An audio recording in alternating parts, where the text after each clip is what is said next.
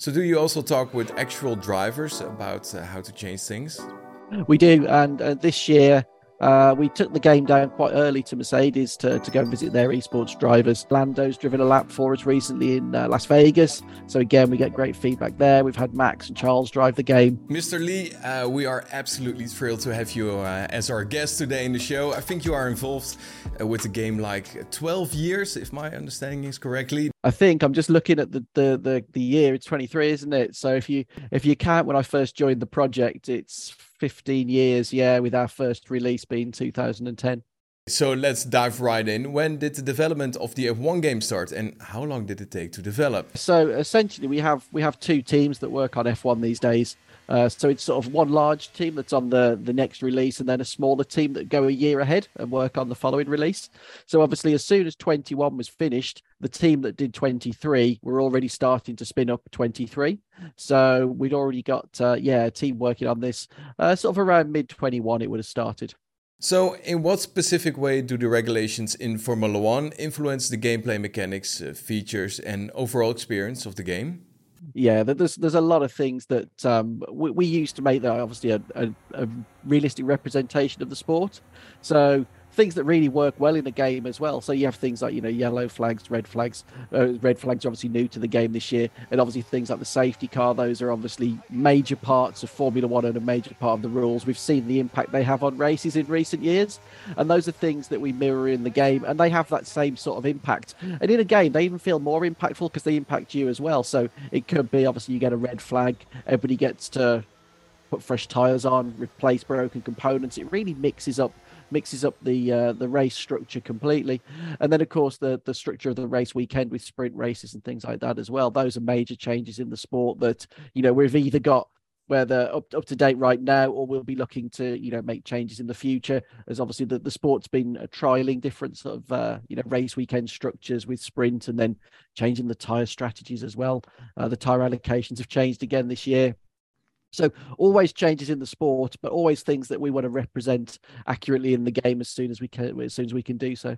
Let's talk about red flags. Uh, they're brand new to the game. Could, like we know how red flags work, but could you tell how the function actually works in this game? Like, how do you trigger them? Is it like uh, compared to a real life Formula One, or is it different? Or one thing that we can't do is see what's exactly going on. So we have to work based on a system that can judge the severity of an incident, uh, the severity of, say, debris on the track, and also on certain tracks, you know, whether the circuit is completely blocked, whether it would be considered dangerous. So we work based on a points based system. And, and obviously, with uh, systems such as virtual safety car and safety car, again, those are based on the severity of an incident. So, as in real life, you know, if, if there's a car that's on the circuit, for example, but in a safe area, then they usually go to a VSC. If the car's in a slightly more dangerous area where they need marshal intervention, it goes to a full safety car.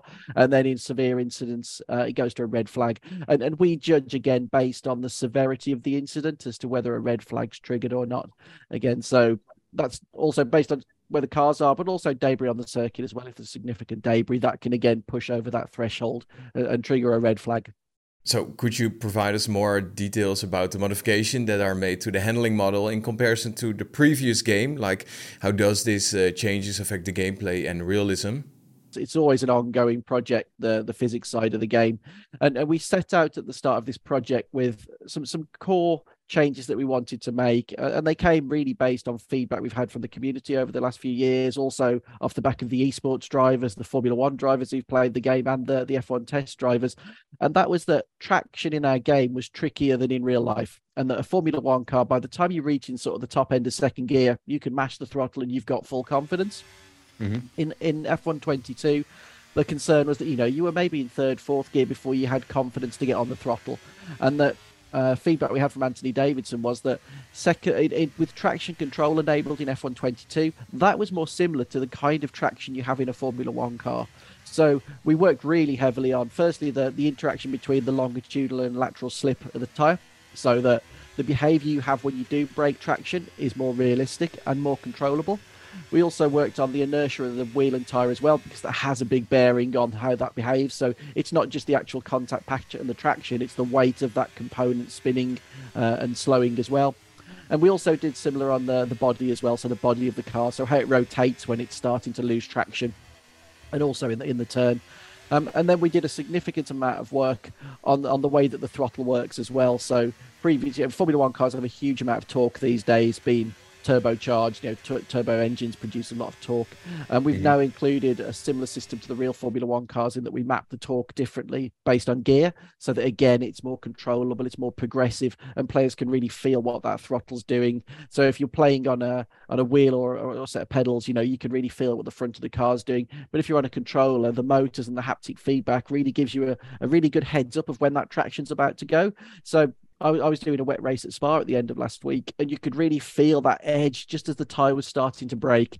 And I think it's that that connection between not only the the change we made to the physics, but also how it connects more effectively to the feedback that the player gets. You know, makes for a much more realistic, much more engrossing, but actually a, a more controllable uh, and accessible handling model. So, do you also talk with actual drivers about uh, how to change things? We do, and uh, this year uh, we took the game down quite early to Mercedes to, to go and visit their esports drivers. So mm-hmm. we can obviously have access to the esports drivers, but not the ones who compete in the esports tournament at the moment because that would give them early access. So we went down, we, we took advantage of the, the fantastic facility they've got. We had Anthony Davidson, who's their sim test driver, who's worked with us for a number of years, play the title. And then obviously since then, you'll have seen Lando's driven a lap for us recently in uh, Las Vegas. So again, we get great feedback there. We've had Max and Charles drive the game. So it's just we started we yeah, we're working on getting them in as early as possible. But we have so many great contacts now across the industry that that we get you know, really good feedback in those areas. She's done it, as many predicted she would. A star is born. Callie Mayer becomes the first woman ever to win the F2 championship. So, of course, the Trill single player story mode Breaking Point is back. So, what are the changes compared to the last one? So, I mean, th- there's a number of things that we wanted to achieve for the second story in Breaking Point. I mean, obviously, story wise, we wanted to do something different. We wanted to take inspiration from what was going on in the world of Formula One, of course, what you see in Drive to Survive, what the drivers are doing, the, the sort of the the um, personalities that you see come from the drivers. We also wanted to do something new and get ahead of where the sport's going. So, obviously, now the sport's got the Academy as a, you know the women's only series, which is going to bring forward hopefully the the first um, driver in Formula One for, for you know a significant amount of time time. And and that was part of the story thinking as well. We wanted to do something like that. We wanted to bring you know a strong female character into the world of formula one through the f2 series with with callie mayer. So that was the thinking behind the story. We also wanted to continue the journey of our existing characters who people have grown to know and love when it comes to the the likes of devon. It's a little bit more challenging but again continue their journey but we also said that we wanted to give the players more agency over their experience. So the story is always going to be the story that we've written, but the things that go on around it now in the secondary narrative can be in- impacted by the player. So they're impacted by your performance on the track and also the way that you answer interviews to the press but also there's periods now in the story where you'll take over the responsibilities of the team boss and you'll have to answer questions that relate to what the drivers are doing. And again, that can have an impact on the secondary narrative.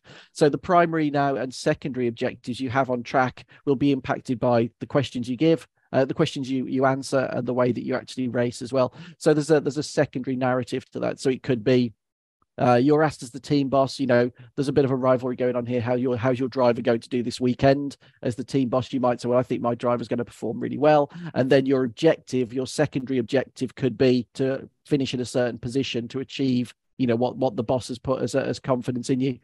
So we got another brand new feature called F1 World. Uh, could you explain us in more detail how it looks and works? Like what kind of content or activities uh, does it offer to the player?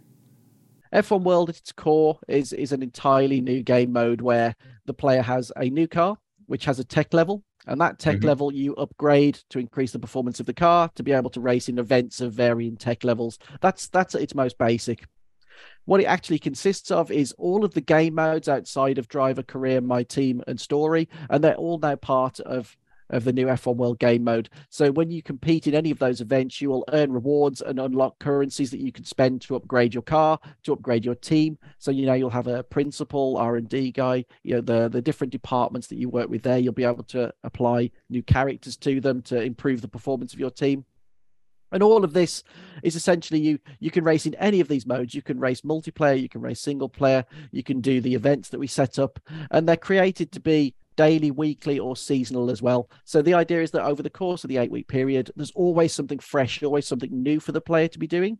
So it may be you get home from work at the end of the day, you've got 20 minutes and you think, I'll play a bit of F1. You can jump in and you could do some quick races, you could do some time trial, and all of these things are continually rewarding you. So you're upgrading your car, you're building up your tech level, and you're able to enter other races as well. And we've also included in there, obviously, multiplayer as part of this area as well. So it's single player and multiplayer gameplay but we've also added in the the leagues as well. Leagues will cover that, but um, divisional multiplayer, which is a new feature as well, which is something that we thought was was very cool for players who want to sort of test themselves against skill players of, of similar skill level. All all of that's now part of F1 World. Are these challenges a lot of crossover compared to uh, the Grand Prix weekends? That's very much the plan. So, what we'll be able to do is create weekly challenges that run at the same period of time as the race weekends. So, we can tie them to what's going on in the real world. It's keeping that connection to what's going on in the sport. In a similar vein, that, you know, you see the teams now bringing unique liveries and suits and helmets to Grand Prix. You know, we want to be able to use F1 World to create challenges and events that tie to those as well to potentially reward players with those sorts of items. So we also got a lot of people, of course, playing this game on the couch, laying back. Uh, like, what are the adjustments uh, made to improve the game for controller players? As I spoke about the base handling, the base handling is now significantly more controllable for players in that it's it's more realistic, but it's also more accessible because of that. It's easier to relate to. But we really wanted to, to continue to develop the the level of control that players on a on a pad has. So obviously a wheel player has the absolute fidelity to make really fine adjustments, to be constantly adjusting the car, to be, you know, fighting those small camber changes in the track, to be catching the slides. All of those things feel very natural if you're used to driving a car. And on a controller, obviously, you have very limited movement with your thumb. You have very limited controls with your with your fingers for the for the throttle and brake. Um, and we wanted to do something about that to give the controller player the same level of fidelity and confidence that you have on a wheel. Uh, and that's where precision drive comes in. So what what precision drive does is it ensures that when the player makes their input on the controller, it gives them the, the level of control and fidelity that they would have if they were making that on a wheel. So it could be you're going through a very fast series of corners and the level of input that you have will allow you to be smooth and progressive. But then you might come to a series of very short, very quick, say in a chicane at say Monza, for example, first corner. You you can make a very fast and aggressive input because the car's you know at a low, relatively low speed, and the system will allow the player to make that input, so they're not disadvantaged to a wheel player who can do exactly what they want. And mm-hmm. then also, you know, if the car was to, for example, you catch a curb and you get a bit of a slide on, you can make those really fine adjustments on the controller without unsettling the car So it allows for much more confidence in the turn. It allows for much more direct inputs when trying to hit the apex, and it allows for also a more a more confident approach when you're wheel to wheel with another car. You know, you, the the change that you'll make won't have the effect that's sort of unexpected. It gives you a much more you know attached feeling to the car. Of course, we need to close it off with the multiplayer mode. Uh, in our Discord channel, there's a group that are pretty dedicated to the F1 multiplayer modes. Have there been any modifications made to the multiplayer modes? There's two significant changes in multiplayer. First, we had previously had leagues in the game, and we've obviously engaged with our, our, community who run leagues significantly. And we felt that running the leagues through the game wasn't something they were doing. They were running the games via their Discord servers and they were setting them up themselves. So we've actually moved the league functionality onto our RaceNet platform. And that allows for a much broader range of options. And that makes it much easier for leagues to run the leagues the way they choose to do so. It gives them the power and the control that we weren't able to offer through the league functionality in game. So we think that's something that's going to be really, really popular with leagues. And then we also added the ranked divisional play.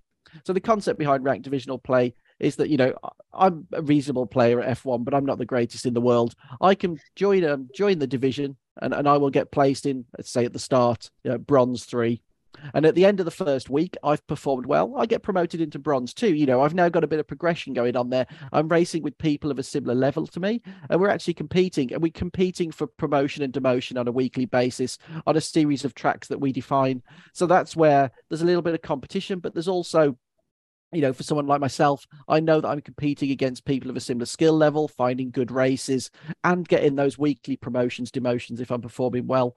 And of course, for the for the absolute top players, if they make it to elite, elite is no longer part of the divisional structure. It becomes a one uh, large leaderboard. So actually, then at that point, you're competing with the best in the world to show to show your skill. So we think that's a really really cool um, uh, you know addition to the multiplayer experience.